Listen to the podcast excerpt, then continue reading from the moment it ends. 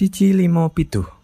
Eh, eh, eh, podcast ternyata nih. Hai hai hai, halo semuanya. Kembali lagi di podcast ternyata bersama aku Jauf Sania. Gimana nih teman-teman kabarnya? Semoga selalu bahagia dan baik-baik saja. Oke, ngomong-ngomong soal perkuliahan nih teman-teman, kita di sini sudah memasuki kuliah offline yang pastinya sangatlah hektik nih teman-teman. Berhubung kita kuliah offline, tentu ada nih teman-teman yang namanya beasiswa. Kira-kira beasiswa tuh sebenarnya apaan sih? Dan bagaimana uh, proses beasiswa itu terjadi. Kemudian juga ada menurut Najwa Sihab, ada tiap orang punya mimpi, tapi tak semua bisa bangkitkan semangat yang tinggi. Oleh karena itu bersama aku Jauhsan ya. Dan tentunya aku kali ini nggak sendirian. Di sini sudah ada Kak Aditya Aji Noftara yang akan menemani aku mbak soal beasiswa LPDP. Mungkin tanpa berlama-lama, langsung saja aku sapa Kak Aditya Aji Noftara. Halo Kak, selamat malam. Halo, selamat malam Jauh. Gimana kabarnya Jauh? Halo Kak, Alhamdulillah baik banget nih. Kak Adit nih, semangat banget nih terlihat dari suaranya. ya, ya, ya. Kak Adit sekarang uh, lagi sibuk apa nih Kak? Oh, kalau sekarang sih lagi sibuk ya kerja sama mau siapin itu untuk PK atau persiapan keberangkatan. Simpelnya sih itu kayak ospeknya orientasinya LPDP gitu sih. Pasti bakal seru banget ya nanti kayak mungkin sebelum aku masuk ke materinya mungkin bisa dijelasin dulu nih Kak, beasiswa LPDP itu sebenarnya apaan sih Kak? Wah, beasiswa LPDP apaan? Ada secara panjang, ada secara singkatnya. Tapi kalau secara panjangnya bisa saya bantu bahwa dari kepanjangannya dulu, LPDP ini kepanjangan dari Lembaga Pengelola Dana Pendidikan atau ya LPDP tadi itu sendiri gitu ini program beasiswa yang memberikan pembiayaan studi penuh kepada WNI yang telah menyelesaikan S1, D4 untuk yang master, kemudian eh, S2 yang ingin melanjutkan pendidikan eh, doktoral di perguruan tinggi di mana pun di luar atau dalam negeri itu yang bersifat single degree, jadi nggak boleh double degree. Yang kampusnya itu sudah disediakan oleh LPDP itu. Tapi kalau pengen sederhananya, LPDP itu adalah bantuan pendidikan S2 atau S3 yang dikelola di bawah pengawasan Kementerian Keuangan RI. Nah, itu simpelnya, jauh. Oke, berarti cukup menarik ya Kak ya untuk beasiswa LPDP itu sendiri. Kemudian eh, bagaimana nih Kak awal dari Kak Adit sendiri mendaftarkan diri untuk mengikuti program beasiswa ini dan apakah sudah direncanakan nih sejak lama atau hanya ikut-ikutan teman saja nih Kak? Boleh nih diceritakan ke teman-teman podcast ternyata. oke oke kalau ikut teman-teman sepertinya enggak sih karena Uh, karena justru kalau saya lihat nih, sekarang ini teman-teman saya lebih banyak meniti karir pakar studi S1 kerja di perusahaan nasional, multinasional, atau bahkan berwirausaha gitu. Tapi tetap ada beberapa teman yang lanjut studi baik skema mandiri ataupun uh, beasiswa ini sendiri gitu. Nah, kalau menarik menariknya adalah awal mula itu sebenarnya terus terang agak lupa-lupa ingat sebenarnya. dulu itu oh, tapi mungkin mulanya minat S2, mulanya S2 dulu nih, itu muncul ketika magang kerja semester 7 di BB Biogen dulu magangnya Kementerian RI terus lanjut skripsian di Balitas 10 bulanan. Nah, di mana di sana itu ketika magang sama penelitian e, bekerja sama dengan peneliti-peneliti yang hebat-hebat dan seru-seru tentunya gitu. Kan kayak e, mungkin orang-orang melihat peneliti ah peneliti pemerintah kayaknya nggak seru-seru gitu padahal seru-seru gitu. Nah, di situ sepertinya kayak menarik nih jadi peneliti. Baru kayak kepikiran akhirnya kata syarat mau jadi peneliti seperti beliau-beliau itu minimal S2 dan itu untuk yang S2-nya. Tapi kalau eh, kemudian saya berpikir nih S2 ini sepertinya nggak murah dan saya mencoba mencita-citakan beasiswa saja untuk program master nanti. Dan akhirnya Februari tahun 2021 itu mencoba mendaftarkan diri di program beasiswa LPDP. Kalau awalnya sih ya itu dulu magang kerja di Biogen itu tahun 2019 gitu. Ya udah cukup lama sih. Itu sih awal mulanya gitu. Oke, jadi mungkin dari ketertarikan Mas Adit untuk jadi peneliti ya? Atau ya, mungkin cita-citanya jadi peneliti nih? Sebenarnya cita-cita itu loh, kalau kecil tuh pengennya jadi guru tapi nggak boleh sama orang tua gitu. tapi uh, akhirnya mencoba menggali-gali kayaknya peneliti juga ada unsur guru-gurunya di sana ya kayak ngajar ngasih materi arahnya ke sana mungkin sih ke depannya. Oke, benar sih Mas, ada masih uh, unsur-unsur guru-gurunya nih untuk jadi peneliti. Kemudian nih Mas, untuk bagaimana sih uh, Mas Adit sendiri mendapatkan informasi dari beasiswa LPDP tersebut?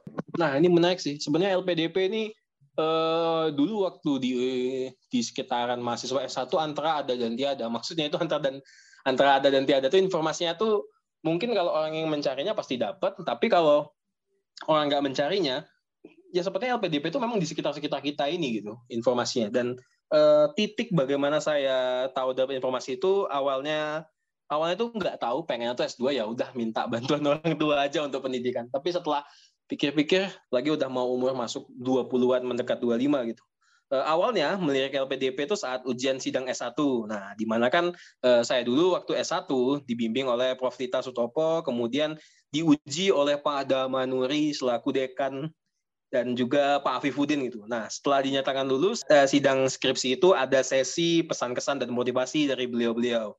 Nah, yang secara intinya Eh, beliau-beliau itu menyarankan sepertinya ini dari skema skripsi yang ditulis Mas Adit ini uh, sangat menunjang untuk lanjut studi master. Jadi sayang kalau uh, skripsi hanya sebatas di sini aja gitu dan akhirnya uh, disarankan untuk ambil skema beasiswa aja kalau memang ingin dilanjutkan masternya. Dulu itu diarahkan mencoba apply bisa dengan LPDP atau BPI, uh, Beasiswa Pendidikan Indonesia. Kalau LPDP kan Kemenku, BPI kan Kemendikbudristek gitu. Tapi sepertinya yang lebih cocok LPDP sih. Nah, lanjut memantau, ngefollow IG-nya LPDP, at LPDP underscore RI. Nah, di sana info lengkap. Dan mulai eh, teman-teman yang bisa, yang S1 dari sekarang, yang dengar podcast ini, siapa pun itu, eh, gabung eh, gabung ke grup Telegram, peserta seleksi LPDP, mulai menyusun strategi. Di sana banyak alumni yang sharing. Atau bahkan ya langsung follow aja IG-nya. Saya yakin teman-teman yang mendengar podcast ini punya IG kan. Di follow aja nanti di sana uh, informasinya lengkap kok tentang LPDP. Awalnya sih gitu sih. Oke, jadi sudah di pertengahan 25, selanjutnya bagaimana? Ya Mas ya, mau nggak mau harus mandiri ya Mas ya. Benar begitu Mas Adit? Iya, benar. Setelah dipikir-pikir bahwa kayaknya uh, waktunya untuk kita berbakti dengan orang tua, tidak membebani dengan biaya untuk studi masternya. Gitu sih. Oke, benar banget tuh Mas. Kemudian dalam proses uh, pendaftaran sampai pengumuman tentu ada yang namanya tahap-tahap nih Mas untuk masuk dalam beasiswa LPDP ini. Kemudian tahap apa saja sih yang dilalui dari Mas Adi sendiri? Itu mulai dari pendaftaran sampai pengumuman penerimaan beasiswa LPDP ini. Oke, kalau untuk pendaftaran saya coba jelaskan langsung umum LPDP-nya ya kayak Uh, jadi ada dua jenis alur pendaftaran di LPDP itu. Yang pertama itu disebut jalur LOA atau letter of acceptance. Kemudian yang kedua tanpa jalur tanpa LOA, letter of acceptance. Uh, eh, LOA, oke okay, bahasa Inggrisnya LOA, bahasa Indonesia LOA gitu. Uh, enaknya LOA aja ya. Kayak uh, LOA itu adalah bukti surat penerimaan kita diterima di perguruan tinggi itu. Nah, nah kalau jalurnya teman-teman uh, yang mendengar podcast ini ingin mendaftar LPDP dan sudah memiliki LOA, itu tahapan seleksinya lebih simpel. Karena yang pertama seleksinya administrasi, kemudian langsung lanjut seleksi substansi atau wawancara. Tidak perlu tes tulis. Baru nanti dinyatakan lulus kalau lulus. Itu untuk yang sudah memiliki surat penerimaan atau LOE itu. Kemudian yang kedua tanpa LOE, saya kemarin jalurnya pakai yang ini yang kedua, tanpa LOE di mana ada seleksi administrasi dan ada seleksi TBS, tes bakat skolastik nih yang lagi heboh-hebohnya eh, teman-teman kita yang masih SMA mungkin mau masuk perguruan tinggi kan ada kebijakan perubahan baru dari SBMPTN jadi apa gitu pokoknya tuh uh, tetap bakat skolastik gitu. Nah, kemudian yang terakhir ada seleksi substansi wawancara gitu. Nah, kalau yang membedakan jalur LOE dan tanpa LOE itu hanya di tes tulisnya gitu. Kalau LOE tanpa tes tulis langsung fast track wawancara, kalau yang tanpa LOE ya daftarnya ada tes tulisnya dulu, TBS itu. Nah, kalau saya kemarin ya itu tadi yang kedua, uh, karena seru sih pengen uji nyali gitu. Oke, jadi uh, untuk proses dan tahapannya sendiri harus dinikmati ya kak ya, karena iya. seru itu tadi. Seru, seru. Oke lanjut nih Mas Adit, untuk syarat dan ketentuan apa saja sih yang digunakan dalam pendaftaran ataupun seleksi untuk mendapatkan beasiswa LPDP ini? Oke, kalau syarat sih yang jelas uh, poinnya tuh ditahan sih di website LPDP sih, beasiswa Kemenku LPDP. Ah, saya lupa. Di Google ketik aja beasiswa LPDP. Tapi kalau coba saya sampaikan yang syarat yang jelas-jelas nyata gitu yang bisa teman-teman lihat secara jeli bahwa yang pertama wajib WNI itu yang jelas karena karena ini biasa dari Kementerian Keuangan karena kalau WNA kan agak aneh juga yang pertama WNI kemudian eh, yang kedua tuh jika ambil master ya selesaikan dulu pendidikan S1 udah di empatnya. Kemudian teman-teman kalau yang mendengar podcast ini mau mengambil pendidikan doktor atau S3, S2-nya selesaikan dulu. Itu syarat kedua. Syarat ketiga, jika sudah pernah S2 tidak boleh S2 lagi. Jadi kalau mungkin teman-teman yang mendengar podcast ini uh, ada biasa ada orang yang bergelar uh, double degree misalnya SP, MP, M engineering gitu. Nah, itu kemungkinan besar sepertinya itu bukan untuk LPDP skema beasiswa yang lain. Tapi kalau LPDP ya tidak boleh double degree. Apalagi jika sudah S3 ya ya sadar diri dong. Kemudian yang keempat, uh, kalau ambil S2 IPK itu minimal IPK S1-nya minimal 3. Ini menurut saya syarat yang uh, klasikal banget. Uh, dan IPK bukan segalanya tapi tetap menjadi syarat substansif untuk daftar PDP. Kalau mau ngambil S3, IPK S2-nya minimal 3,25. Selanjutnya poin kelima itu tidak sedang ongoing studi. Nah, kalau teman-teman sekarang sedang kuliah master, itu nggak boleh daftar LPDP gitu. Kemudian poin berikutnya dilarang double funding ketika lulus LPDP. Double funding bahasa sederhana bahasa sederhananya itu adalah rangkap beasiswa. Memang ada beberapa fenomena yang S1 dapat beasiswa A, beasiswa B, tapi kalau LPDP mohon maaf itu single uh, single single funding, nggak bisa double funding. Terus ya memilih perguruan tinggi tujuan karena uh, di sini LPDP itu tidak apa ya, tidak semua kampus itu terdaftar di LPDP maksudnya. Uh, bahkan mungkin yang di di saya lupa di fakultas tercinta kita itu mungkin hanya dua prodi master aja gitu yang bisa daftar LPDP karena lagi-lagi LPDP ini yang ngeliskan daftar program studi yang bisa dipilih itu rata-rata atau secara mayoritas itu akreditasinya harus A gitu. E, kemudian ya umur itu penting e, sampai batas 31 Desember ya umurnya 35 kalau untuk S2 kalau yang S3 40 tapi saya masih jauh dari umur itu. Nah, yang terakhir ini yang paling sering orang lupa atau hilap adalah sertifikat bahasa. Nah, kalau sertifikat bahasa, TOEFL ITP, kalau teman-teman ini yang dari UB kan biasanya di SIAM tuh ada kayak pengumuman tes TOEFL itu dari BLC, Brawijaya Language Center, itu yang ITP jenisnya, itu minimal 500. Kalau nggak kepingin TOEFL ITP, bisa TOEFL IBT 61 minimal. Kemudian kalau nggak bisa, itu bisa PTE akademik 50 ataupun IELTS 6,0 untuk yang dalam negeri. Kalau luar negeri beda lagi, kalau luar negeri itu tidak nggak bisa teman-teman pakai TOEFL ITP gitu. Pakainya langsung uh, eh, IB uh, eh, TOEFL IBT 80 minimal, PT akademiknya 58 ataupun IELTS-nya 6,5 gitu untuk luar negeri. Karena kan standarnya juga beda sih. Kalau untuk syarat dan ketentuan sih seperti itu gambarannya. Uh, jauh. Oke, okay, thank you Mas. Itu tadi adalah syarat dan juga ketentuan dari mengikuti beasiswa LPDP dari mulai TOEFL kemudian IPK dan juga masih banyak lagi. Kemudian untuk teman-teman yang ingin tahu nih kepo bisa langsung aja cek di webnya beasiswa LPDP. Mungkin di sana akan lebih jelas. Selanjutnya uh, di dalam proses belajar ini ya Mas ya, tentu ada yang namanya naik turun nih Mas. Hmm. Kemudian uh, jikalau nih ada satu semester di semester kita nilainya ada yang anjlok. Nah, itu apakah berpengaruh atau tidak ya? Jika iya, bagaimana sih cara menyiasati hal tersebut? Oke, ini kayak di sebenarnya dilematis banget pertanyaan seperti ini ya. Uh, ya kalau saya coba bantu kasih gambaran ya. Uh, sebenarnya tidak ada ketentuan nilai semester harus stabil. Ataupun dari persyaratan itu uh, minimal IPK 3 nanti sampai S1 selesai. Durasi kuliah S1-nya berapa tahun pun tidak dipertanyakan gitu. Uh, jadi, namun menurut saya ini nilai semester yang stabil dan berprogres akan lebih baik ketika dinilai oleh reviewer saat wawancara gitu. Karena kan kita nanti saat mendaftar harus melampirkan transkrip nilai, melampirkan ijazah. Nah, beliau-beliau beliau-beliau yang mereview akan melihat uh, bagaimana kita berprogres atau enggak itu. Karena saat saya wawancara kemarin sempat ditanya-tanya dan disinggung terkait, Mas Adit, puas atau tidak dengan nilai selama menempuh studi S1? Nah, saya jawab tentunya eh, tidak puas dengan harapannya memperbaikannya ketika uh, nanti studi master. Bukan berarti nilai saya jaga-jaga banget, enggak. Paling enggak ada berproses di sana. Nah, tapi nih ya, bukan berarti teman-teman yang nilai semesternya roller coaster, naik turun, naik turun. Nah, nggak bisa lulus LPDP, enggak, enggak. Bukan gitu. Eh, tidak bisa mengatasinya. Nggak ada halangan untuk terkait nilai. Yang penting adalah di sini teman-teman, karena sejauh saya memahami bahwa LPDP itu, kata kunci adalah tidak mencari orang pintar, yang hanya untuk kepentingan dan keuntungan diri sendiri. Tapi LPDP itu mencari orang-orang Indonesia yang memiliki komitmen memajukan bangsa dan punya kepedulian pada kemanusiaan secara adil dan beradab. Begitu seingat saya statement dari Ibu Sri Mulyani Kementerian Keuangan itu. Jadi jangan khawatir nilai semester naik turun naik turun. Yang penting secara syarat administratif cukup. Tapi kalau bisa berprogres atau stabil itu mungkin akan lebih baik. Gitu saya. Jauh. Oke, okay, thank you Mas Adit. Berarti ada yang aku highlight nih dari perkataan Mas tadi tadi yaitu lebih kepada komitmen untuk memajukan bangsa ini ya ini bangsa Indonesia.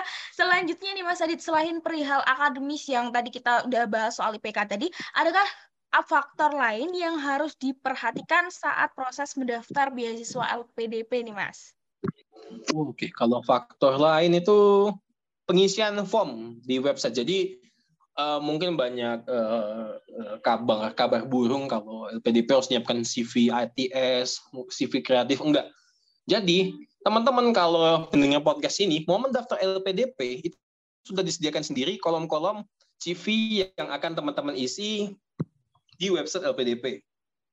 Nah, pengisian di form web LPDP ini penting karena ada beberapa poin yang harus diisi seperti kekuatan dan kelemahan, pengalaman membanggakan dan kurang membanggakan, hal terakhir hal terakhir yang diajarkan pada diri sendiri dan lain-lain.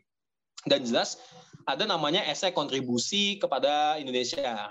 Jadi itulah faktor lain yang harus diperhatikan. Intinya itu kita mampu bertanggung jawab apa yang kita tuliskan di form web LPDP itu. Jangan sampai asal isi aja gitu. Pernah ngaku lomba juara satu di universitas apa, padahal nggak ada.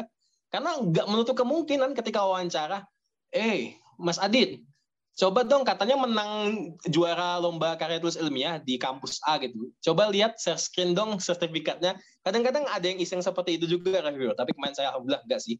Uh, karena kalau isi teman-teman itu memang secara akademis keren, tapi ngisi formnya asal-asalan, itu sangat fatal. Bukan cukup fatal lagi, sangat fatal. Karena saat interview, ada psikolog yang akan membolak-balikan pikiran kita gitu.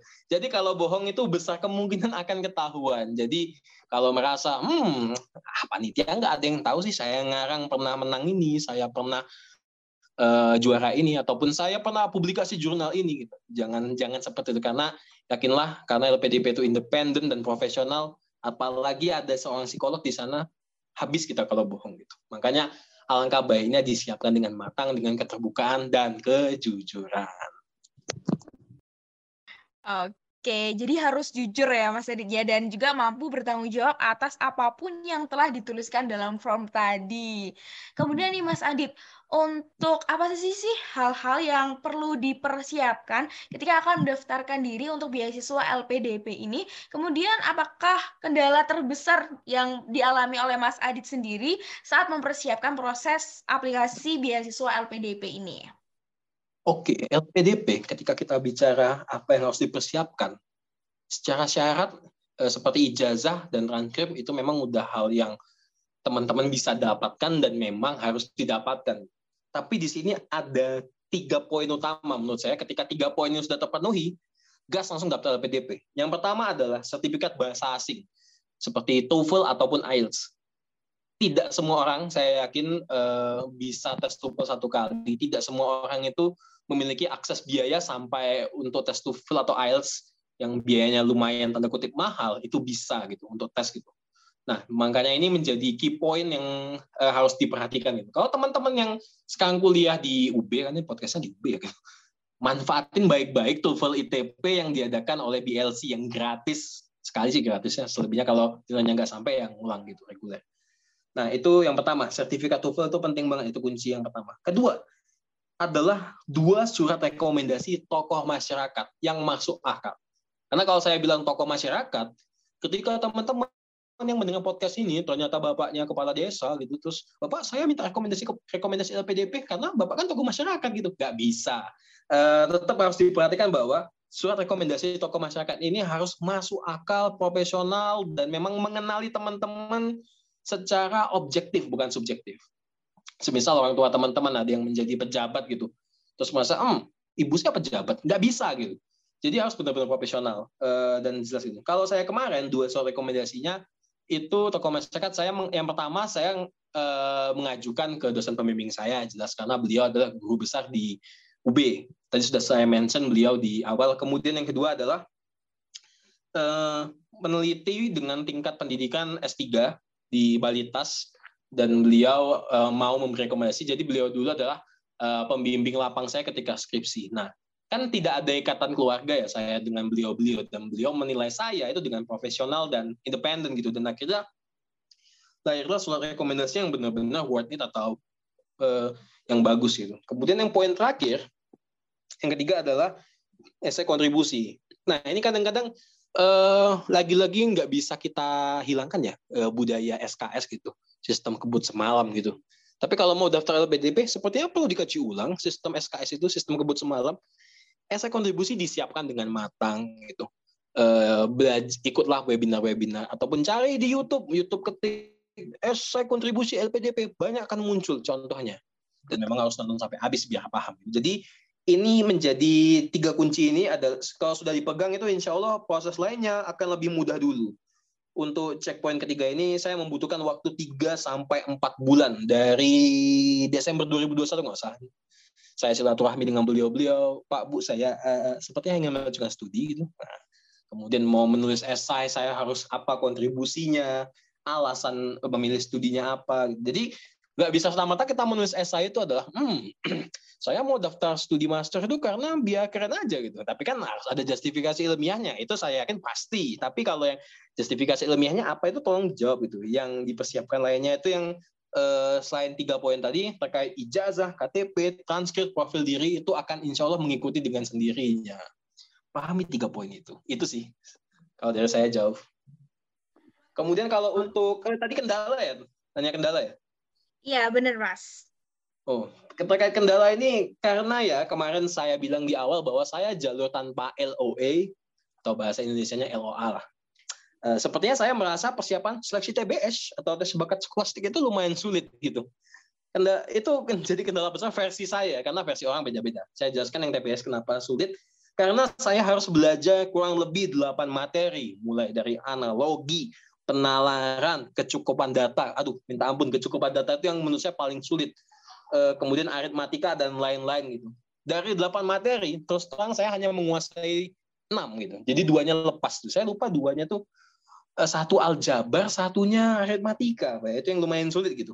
Sedangkan posisi saya itu harus bekerja di perusahaan dan juga mengajar di di kampus kita dong itu. Nah, makanya itu menjadi kendala yang menurut saya itu lumayan sulit gitu. Jadi eh, siang bekerja, malam harus belajar TBS dan dulu posisinya itu adalah saya diuntungkan dengan eh, seleksi gelombang satu. Jadi setahun itu dibagi dua gelombang. Gelombang satu itu Februari, gelombang dua sekarang sedang ongoing. Eh, gelombang satu itu pas bulan puasa. Jadi saya tidak merasa dirugikan ketika bangun malam-malam saya hanya untuk membaca TBS itu enggak, tapi sambil sahur gitu. Nah, tapi ini ya uh, mungkin jauh perlu perhatikan bahwa dan juga teman-teman yang mendengar podcast ini lagi-lagi uh, setelah saya lihat itu berbeda-beda tiap orang.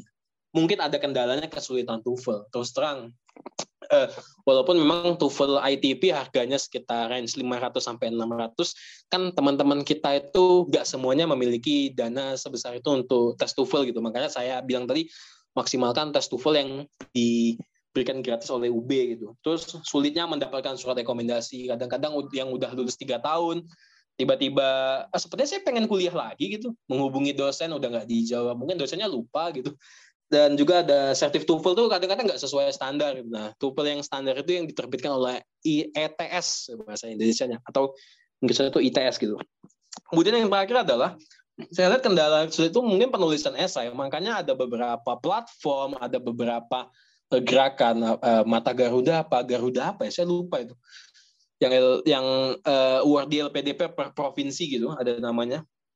Itu menyediakan fasilitas ngecek esai gitu, membuat esai kontribusi dan akhirnya itu menjadi kendala yang berbeda-beda. Tapi kalau pribadi saya sih di opini saya karena saya sudah siap jauh-jauh hari empat problem terkait TOEFL, surat rekomendasi, sertip TOEFL yang bermasalah dan juga penulisan esai itu bisa diatasi karena saya udah jauh-jauh hari gitu. dan bisa fokus ke tes bakat skolastik yang susahnya minta ampun sebenarnya. Tapi lulus juga sebenarnya. Gitu. Jauh. Oke, jadi perlu nih eh, menguasai tiga kunci dan dari Mas Adit itu sendiri. Dan karena setiap orang juga kendalanya beda-beda ya Mas ya. Jadi semoga saja semuanya bisa dihadapi dengan senang hati dan lancar tentunya. Iya, Oke, terima kasih. Amin. Oke, terima kasih Mas Adis untuk jawabannya yang sangat informatif dan sangat memberikan jawaban terhadap pertanyaan-pertanyaan tadi. Dengan mengetahui itu semua membuat kita lebih tahu nih apa saja tentang uh, beasiswa LPDP ini.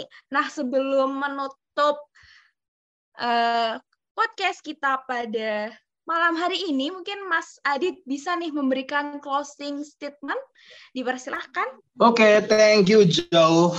Untuk yang mendengar podcast ternyata ini, siapa pun Anda, siapkan diri teman-teman. Yang jelas biasanya awal tahun 2023 sudah ada pembukaan lagi. Lekas selesaikan studi S1-nya itu yang paling jelas. Untuk angkatan 18 paling enggak 18, 18, 17, 16. Kalau 19 itu mungkin masih magang gitu uh, pesan saya uh, awalnya gitu. Kemudian saya coba sampaikan bahwa jangan ragu untuk Maperta UB ataupun mahasiswa di mana pun berada. Tadi syaratnya tadi sangat mudah, WNI kan itu itu syarat yang paling awal banget jelas gitu. Uh, atau siapa pun yang lah yang mendengar podcast ternyata ini karena saya yakin selama persyaratan administrasi memenuhi untuk mendaftar LPDP ini pintu awal dong syarat administrasi, syarat administrasi ini. Eh, nah, jadi semua orang berpeluang sama untuk menerima beasiswa LPDP. Perlu ketahui bahwa ada beasiswa LPDP itu skemanya banyak, ada reguler, afirmasi, eh, untuk ASN, kemudian ada putra putri Papua. Jadi banyak metode, banyak jalur yang bisa teman-teman pilih sesuaikan dengan kebutuhannya. Jadi jangan ragu gitu. Dan ingat sekali lagi saya coba uh, sampaikan bahwa semua orang berpeluang sama untuk menerima beasiswa ini dan jelas LPDP tidak mencari orang pintar yang hanya untuk kepentingan dan keuntungan diri sendiri. Tapi LPDP sekali lagi mencari orang-orang Indonesia yang memiliki komitmen memajukan bangsa Indonesia menjadi lebih baik. Itu pesannya jauh. Thank you. Oke, thank you banget Mas Adit atas pesan yang telah diberikan karena kita telah mendengar pesan dari Mas Adit, mungkin dari saya. Eh, perkataan Najwa siap kita lebih kuat dari apa yang kita bayangkan. Oleh karena itu, terus tingkatkan potensi dan gali terus apa yang kita miliki. Oke teman-teman, tadi adalah bincang kita dengan Mas Aditya Aji Noftara yang sangat-sangat menarik untuk didengarkan. Dan yang kerasa waktu berlalu cepat banget mungkin karena kita udah bincang-bincang topik yang sangat menarik nih. Terima kasih untuk bintang tamu kita, Kak Mas Adit. Dan semoga sehat selalu dan senantiasa diberi kelancaran dalam berbagai urusan. Saya jauh ya, Sania pamit undur diri. Jangan lupa untuk mendengarkan podcast ternyata di episode selanjutnya. Say goodbye.